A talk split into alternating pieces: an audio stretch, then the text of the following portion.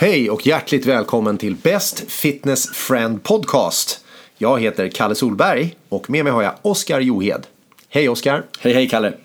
Allt bra med dig idag? Mycket bra, mycket bra. Jag är, eh, mår bra i kroppen, har tränat bra, sover bra och tycker faktiskt att kosten funkar också bra. Så att utifrån ett, eh, min strävan till att förbättra hälsa och livskvalitet så ger jag mig själv ganska höga poäng. Själv då?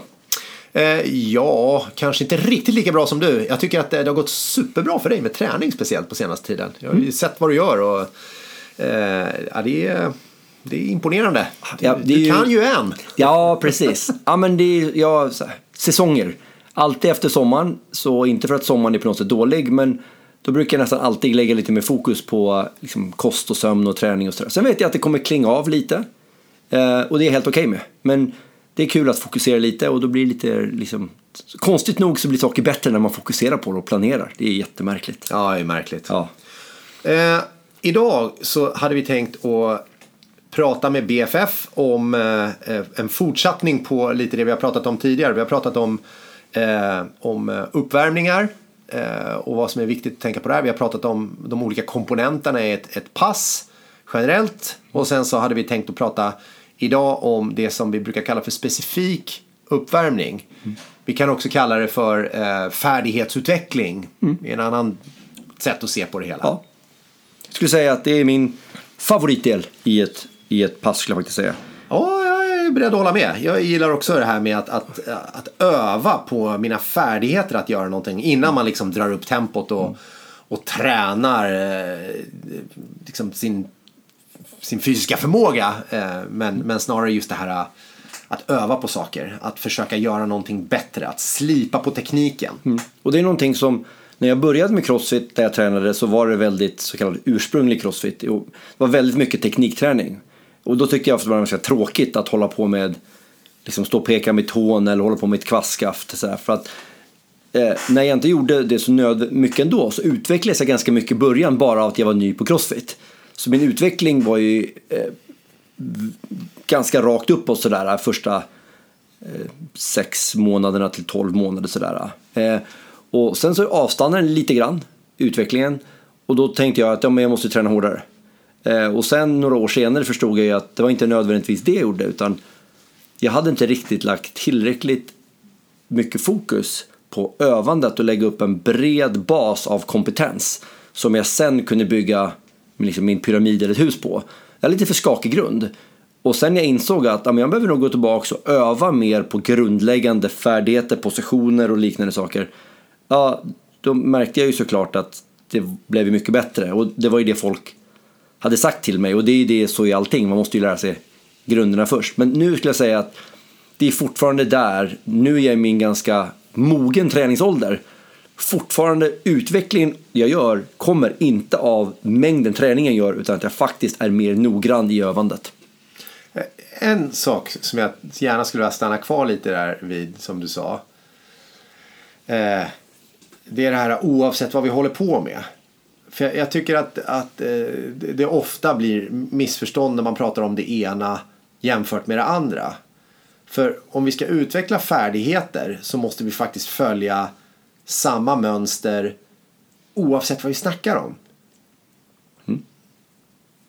Och jag tror säkert att, nu ska jag försöka dra någon bra parallell här. Eh, jag, är, jag är tämligen säker på att alla ni som lyssnar på det här, ni har jobb. Ni har jobb som ni, ni utför. Varje dag så gör ni vissa saker. Och ni som har lyckats bli väldigt duktiga på någonting, oavsett vad det är. Ni har varit jäkligt noggranna med att lära er grunderna. Och inte bara lära er grunderna utan bemästra grunderna fullt ut. Eh, det finns en fantastiskt bra artikel som, som en, en gubbe som heter Greg Glassman, han som kom på Crossfit, skrev för väldigt många år sedan som heter Virtuosity. Att vara virtuos på någonting. Och för att man ska uppnå det här äh, virtuosa, en virtuos, när man, ofta när man hör ordet virtuos så tänker man på det Mozart. Mozart var en virtuos. Han kunde spela exceptionellt bra.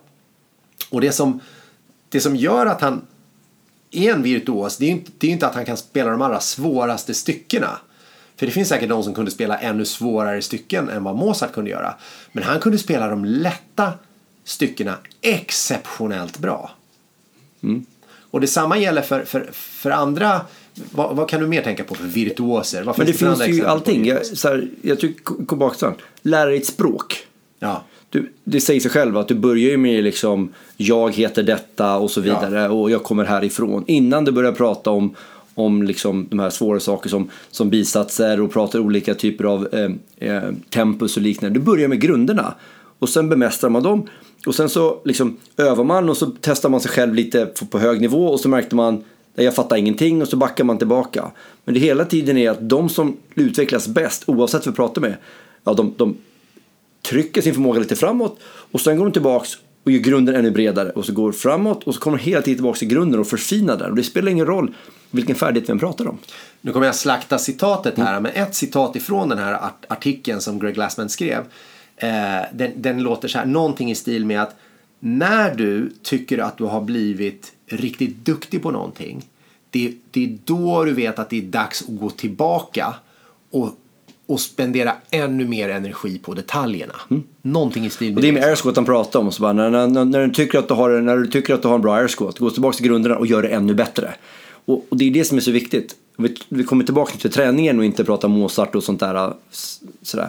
Vilket jag tycker är viktigt att förstå att det finns kopplingar utanför crossfit till det här. Men om man förstår att airsquaten är grunden till nästan till allt vi gör. De som har en bra airsquat, då vet jag att de har ganska god potential att lyckas bra inom det här. Och samma sak vissa andra grundläggande liksom gymnastiska positioner.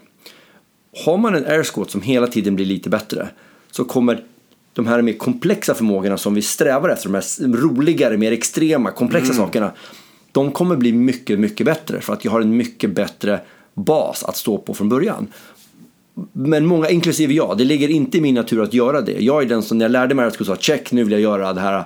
Nu vill jag göra front squat. Exakt. Och när du kunde front squat. Så check, nu vill jag göra overhead squat. Ja, och nu efter- kunde jag göra overhead squat, du vill göra snatch. Såklart. Och så fort som möjligt. Ja. Utan att hänga kvar Ja. för länge vid någonting. Och jag, bör, och, jag, och jag gjorde ju snatch ganska fort.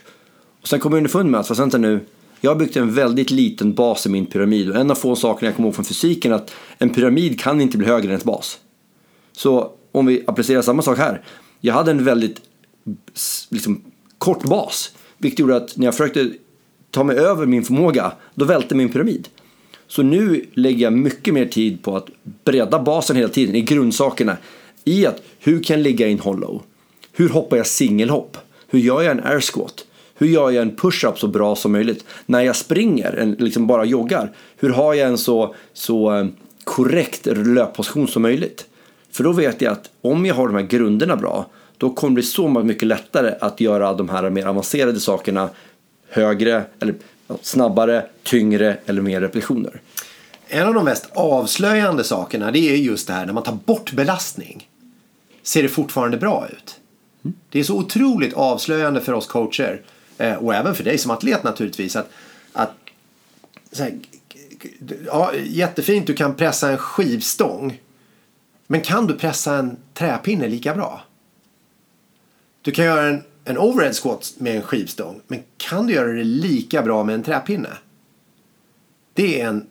För det är så otroligt avslöjande för att vikten kan maskera dåligt utförande på ett väldigt alltså, förödande sätt. Oh ja. På ett lömskt sätt liksom.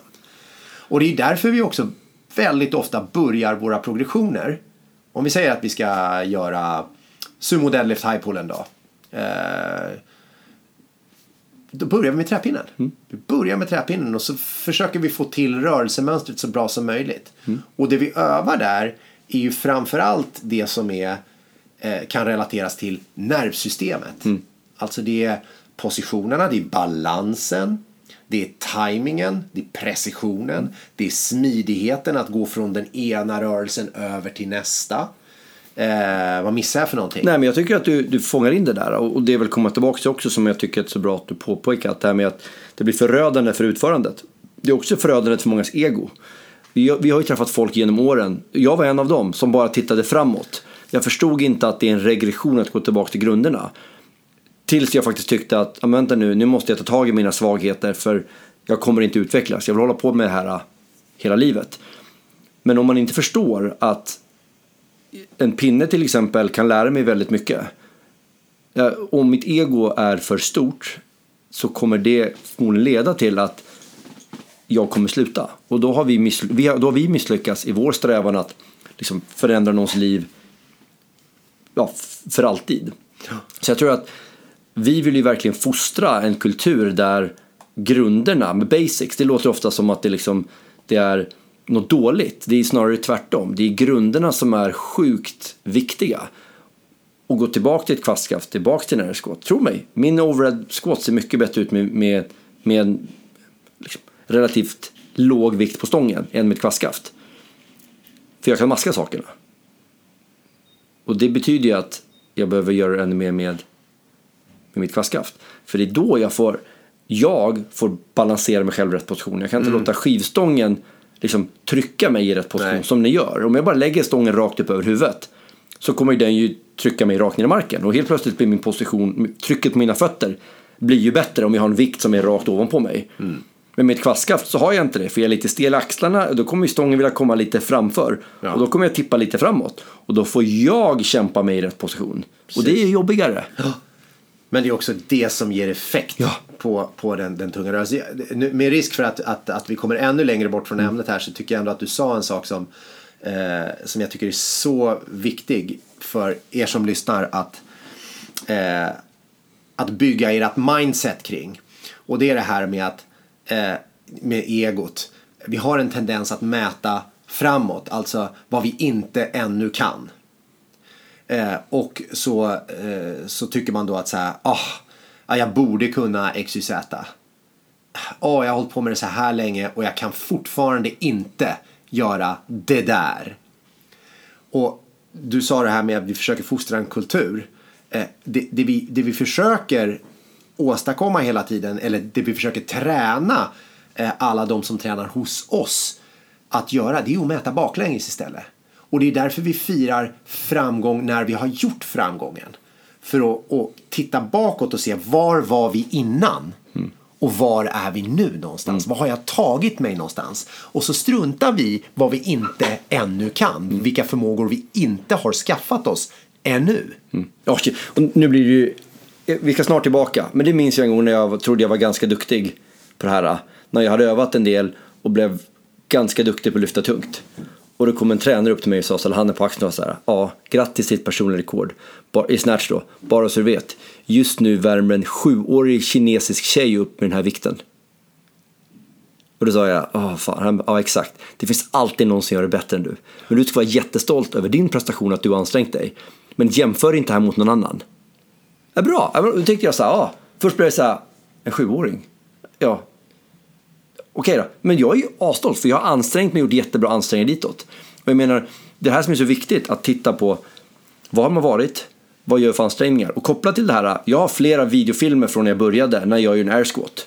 Nu lyfter jag ungefär lika mycket knäböj som jag gjorde för 13 år sedan, för det var liksom min grej. Ganska bra på det var jag då. Men tittar jag på min air squat så såg den väldigt annorlunda ut idag. Det är en av mina största framgångar. Att jag tittar på mina air och säger så här, jag är ganska stolt över vad jag har kommit på 13 år. Jag vill fortfarande göra det ännu bättre. Men jag är ganska nöjd med min air idag. Och det är för att jag har kontinuerligt arbetat med den. Så jag gör inte bara personligt rekord i hur många air kan jag göra på en minut eller vad kan jag göra med air? Jo, jag kan lägga på en stång på ryggen så blir det en back squat och där kan jag lyfta mera, okej. Men utförandet, om jag skulle betygsättas som man gör i gymnastik så får jag högre betyg idag på min air squat än jag fick tidigare. Och det vet jag ju är gynnsamt i alla andra rörelser. Men också diplom till mig själv och säga så här, fan, du har gjort någonting som inte nödvändigtvis för de flesta är mätbart. Men du har ändå gjort det för att du vet att det är rätt sak att göra. Det är jag ganska stolt över. Ja. Det är ju mätbart men det är Ja. svårare att mäta. Det är Ja. så mycket lättare att mäta hur mycket väger skivstången till exempel. Men, och precis kopplat till det, jag vet ju att min prestation utvecklas i rätt riktning för att jag rör mig mer effektivt i min airscot och andra saker. Så att då komma tillbaka till det vi pratade om, så här, ja, som ni förstår så är vi ganska angelägna om att, att man övar, att man arbetar med det som kallas teknik. Men det måste också göras med en tanke. Det räcker inte med att göra 50 airsquats liksom av, av och långsamt och inte anstränga sig och automatiskt tro att jag blir bättre på backsquat eller vilken rörelse som helst. Att göra en, en snatch med ett kvastskaft tusen gånger kommer nödvändigtvis inte göra dig bättre på snatch. Utan varje av de här tusen snatch med, med kvastkraft måste ju komma med ett syfte. Som man hela tiden gör att jag i förlängningen rör mig bättre så när jag väl belastar mig med stång då kommer jag lyfta mer. Bruce Lee, han sa jag är inte rädd för den mannen som har tränat 10 000 olika sparkar. Utan jag är rädd för den mannen som har tränat en spark 10 000 gånger. Ja, och det är ju samma sak här. Så tittar vi på när vi gör en, en progression av någonting. Eh, som till exempel tyngdlyftning är ett ganska bra exempel. Vi kan även ta exempel där det inte är mer komplexa rörelser. Men oftast när man har en komplex rörelse så bryter vi ner den i delar som i slutändan leder till den hela rörelsen. Så ska... det, det är det vi kallar för en progression ja. då. Liksom. Att man bryter ner någonting i olika beståndsdelar ja. och övar beståndsdelarna var för sig. Så om man till exempel pratar om en, en rörelse som, som är som snatch eller ryck där man tar en skivstång från marken upp över huvudet i en rörelse. Så kanske vi bryter ner den till att göra, först gör vi ett marklyft. Du ställer lyfter bara upp den till höften. Och sen så övar vi på att lyfta upp den till höften och så gör en axelryckning. Och sen så gör man ett marklyft, axelryckning och armbågen upp i taket. Och sen övar vi på att dra stången rakt upp över huvudet i en rörelse. Och sen övar vi på landningspositionen. Sen kanske vi startar från knät och gör rörelsen och sen gör vi hela rörelsen. Så varje del, och det finns jättemånga olika progressioner, men varje del kommer med en specifik anledning. Och det här är också en uppmaning till dig som, som, som deltagare på BFF. Ska ju göra, fokusera på det vi säger. Och om vi som coacher missar att säga, räck, eller behöver inte ens räcka upp handen, det är inte skolan. Säg till, vad ska jag fokusera på? För marklyftet i en snatch är inte bara att jag i slutändan ska göra en snatch. Marklyftsdelen kommer ju med ett syfte. Mm. Som, det kan vara olika. Men om vi till exempel skulle göra en, en progression för snatchkalle och så säger vi så bra nu ska vi göra marklyft. Vad finns till exempel, vad skulle kunna vara ett syfte med marklyftet i en, i en snatchprogression? Startpositionen, ja. att få till en bra startposition. Att göra hela lyftet upp till höften eh, med vikten på hälarna eller mitt på foten. Mm. Eh, det kan vara också att man vill se att höften faktiskt sträcks ut hela vägen. Så det finns multipla syften med att träna marklyftet först och att göra det så bra man bara kan. Precis. Och nästa sak om man då skulle lägga till varför fortsätta, ja, så gör vi ett marklyft, en axelryckning. Varför mm. skulle vi eventuellt kunna göra det? Det finns jättemånga anledningar, men vilka anledningar skulle du kunna se som vanliga som vi bör påpeka? Precis, återigen så är det att sträcka på höften innan någonting annat händer. Mm att undvika att dra med armarna före vi har jobbat klart med höften. Precis. En av de centrala anledningarna ja. till att vi tränar på just Man kan också titta på, det är det vanligaste skulle jag säga, man kan ja. också titta på så här, hur mitt över foten ligger stången hela tiden. Och, och, sen så kan man titta på liksom, hur beter sig överkroppen relativt underkroppen och sådär. Precis. Och de här sakerna, om man bara gör dem en gång, om du bara gör ett marklyft och sen så gör en marklyft axelryckning utan att tänka på de här sakerna eller att du får instruktioner för den delen, ja då kommer det inte bli bättre. Men om du känner att, ah, vänta nu, nu åkte knäna undan så stången kunde röra sig i en rak bana, eller jag övar i toppen att spänna rumpan. För då, och så gör man det här långsamt, några gånger så ökar vi eh, hastigheten. Och sen över tid går vi in till skivstång. Sannolikheten att du kommer sträcka ut höften innan du drar med armarna har ju ökat om vi har övat på det rörelsemönstret utan belastning. Mm. Jag kan säga att när jag gör, ska lyfta så tungt som möjligt, då kommer jag inte sträcka ut höften fullt. Jag gör inte det, för jag kommer tjuva lite. Men gör jag det på 50% av min vikt, eller 40% eller kanske 10% av mitt liksom, ett rep max. Ja, då har jag mer tålamod och vet att jag kan få ut höften. För det är inte, jag ligger inte lika nära min fysiska kapacitet. Men om jag övar ännu mera på, tar ännu mer tid på att öva, mm. att förstärka höft, för armar, höft för armar. Ja, då ökar ju sannolikheten att jag gör det sen när jag ska prestera under hög belastning. Ja, och om det är så att, att du vill faktiskt flytta ditt PR framåt, att du vill, att du vill öka, mm. ja då kommer du inte göra det om du inte faktiskt lyckas sträcka ut höften på din PR-vikt innan du går vidare till nästa vikt. Exakt. Och det här, vi har pratat tidigare om det här med, med övande och tränande jag är villig att nästan lägga handen under en yxa och säga på 30 minuter så kan jag i princip förbättra en prestationsförmåga hos vem som, inte vem som helst, men hos BFF. För, till exempel, här, är det rimligt att tro, Kalle, att du på 30 minuter kan göra någon bättre på double unders? Absolut. Precis, och det kräver, du kommer ju inte arbeta med att hoppa högre eller vispa snabbare utan då är det ju timing. Då är det lite neurologiska förmågor, vi har övat. Men, men det förstår ju folk så här, man behöver ju inte ha bättre hjärt-lungkapacitet för att hoppa hopprep till exempel. Nej. För de flesta. Nej. Men om vi tar till exempel, så tar vi en liten teknisk rörelse då, mittemellan, både styrka och, och liksom komplexitet. Tyngdlyftningsrörelse, vi säger en clean till exempel. Ja. Samma sak där, på 30 minuter kan du öka någons PB här. Absolut. Det är helt övertygad De allra också. flesta eh, har eh, uppenbara brister Mm. som är ganska lätta att rätta till. Och det är det här som är den otroliga eh, styrkan med att träna tillsammans med en coach. Mm. Jag har tidigt när jag började med crossfit, då hade jag ingen coach. Jag tränade själv på, på ett, eh, ett eh, gym och slängde skivstänger och höll på att bli utkastad. Eh, men så fort jag liksom började träna med en coach och fick feedback på, på vad jag gjorde så utvecklades jag ju mycket fortare. Ja. Och då kan vi titta på en rörelse som är för de flesta ganska enkel. Marklyft. Så här, för, att, för att över lång tid bli bättre på marklyft, ja då måste vi öka vår styrka, det säger sig själv. Jag måste ha en, en större muskel i princip. Jag måste kunna sträcka, eh, dra ihop min muskel mer aggressivt för att utveckla liksom, mer kraft. Men jag är ganska säker på, på 30 minuter kan du öka de flesta medlemmarnas personliga rekord genom att bara förstå hur de ska utföra lyftet. Utan att, på 30 minuter kommer vi inte öka muskelbukens storlek, det är omöjligt. Men jag är ganska säker på att på 30 minuter skulle du definitivt, genom att bara öva teknik, få någons personliga rekord att gå upp signifikant. Och det skulle inte bero på att du gjort dem starkare. Nej. Samma sak med löpning. Jag minns en gång, jag var hjärt-lungmässigt är jag rätt okej på att springa. Så tog jag en löp, eh, löpcoach. Och jag tyckte att löpning är ingen förmåga, man springer bara. Eh, och så på två timmar höll det på ganska med så här konstiga rörelser.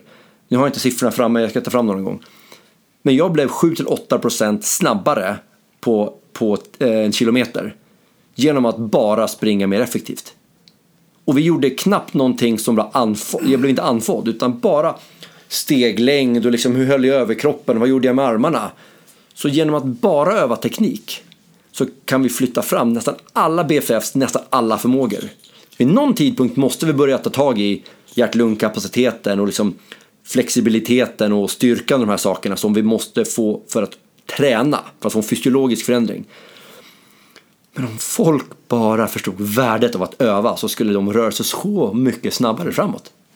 Och jag tänker också på scenariot så här, om du nu skulle jobba med någon i 30 minuter. Du sa att du jobbade med en löpcoach, ni gick igenom vissa liksom, övningar, drills, så här, för, för att förbättra din förmåga. Eh, om du hade istället så här, om du hade coachat eh, någon i clean, låt säga clean.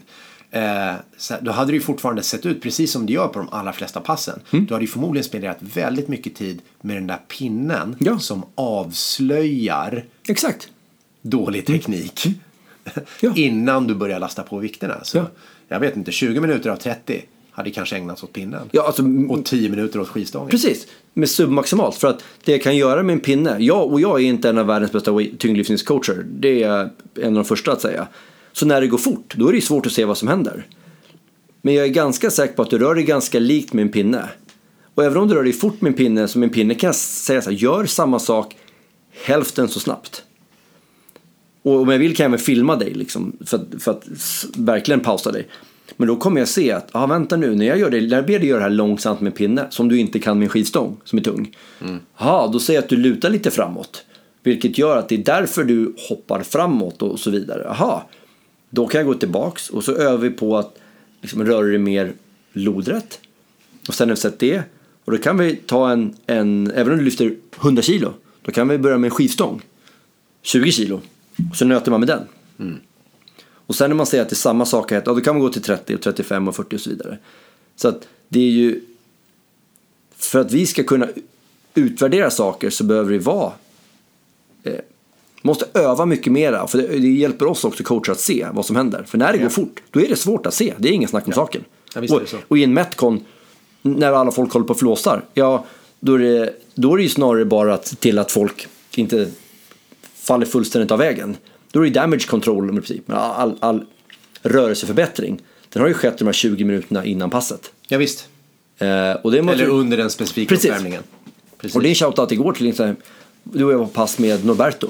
Gjorde det svinbra. När vi höll på med lite thrusters och vi gjorde även lite burpees och lite andra saker. Det var en tydlig poäng med varje del i hans progression. Vilket gjorde sen att thrusters gick jättebra. Det var flera som sa att thrusters kände lätt. Vi gjorde front vi gjorde pushpressar och varje del i front kom med liksom en poäng. Vikten på hälarna ut med knäna. Varför behöver han inte berätta. Men han vet det som coach. Sen gjorde vi pushpressar. Då fokuserade han på vad höften för armen och utlåsningen i toppen. Sen satte vi ihop det med en lättare vikt och sen så gick det vidare. Och det var flera som sa på passet vi var på. Thruster kände lätta idag. Och det berodde nog mycket på att vi hade tagit oss tid att öva. Precis. Väl spenderad specifik uppvärmning. Ja. Har du någonting mer som du vill säga om den specifika uppvärmningen? Eh, Eller har vi Jag tror när vi har... Jag, täckt jag, in tror de att, flesta jag, tror att, aspekterna? Ja, jag tror att vi har gjort det. Jag vill än en gång bara verkligen slå ett slag för att det är inte fylla ut tid. Och, och om jag... Någonting som jag ser när jag reser runt i, i världen och det har våra BFF kommit tillbaka och sagt också. Du vet det genom flera år som har sett hur man driver sin verksamhet på andra ställen. Vissa andra, eller tyvärr ganska ofta så ser man att ett, ett gym har, dagens pass är en A, B och C och en D-del. Att det kanske är någon form av lite gymnastiska saker på golvet som är lite tekniska men av uppvärmningskaraktär.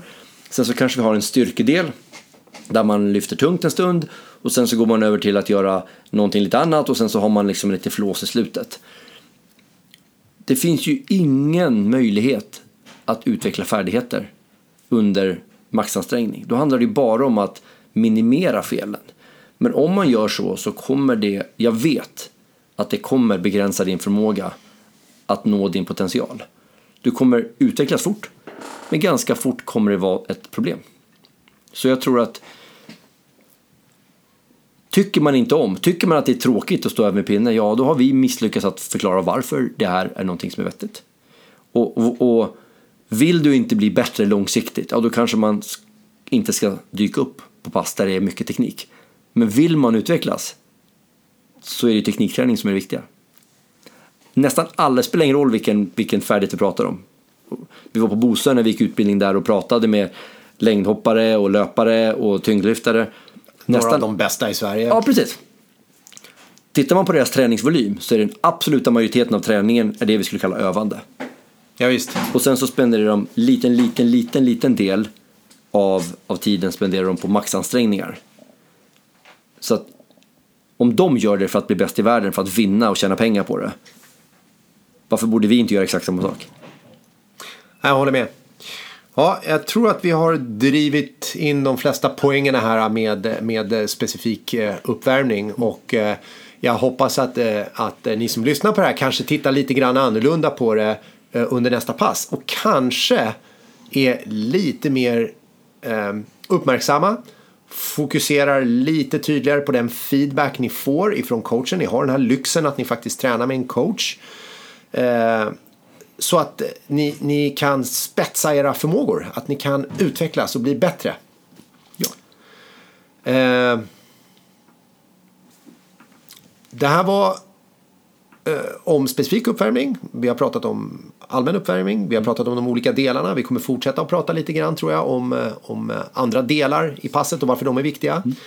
Eh, men om ni har andra frågor så får ni hemskt gärna höra av er. Vi brukar nämna en e-postadress som det bästa sättet. Och då är det Oskar med K snabel crossfitmedis.se. Eh, dit kan ni mejla frågor eh, och då kanske vi tar upp och pratar, eller troligtvis så kommer vi ta upp och prata om dessa frågor i det här programmet. För det här programmet är faktiskt till för dig som lyssnar. Det, det är dina eh, frågor, det är dina problem som vi vill ta upp och eh, prata om. Eh, så, att du kan eh, till syvende och sist förbättra din hälsa och livskvalitet. Ja. Ja. Eh, ska vi säga tack och hej för idag, Oskar? Det hoppas jag. Tack. Mm. Tack.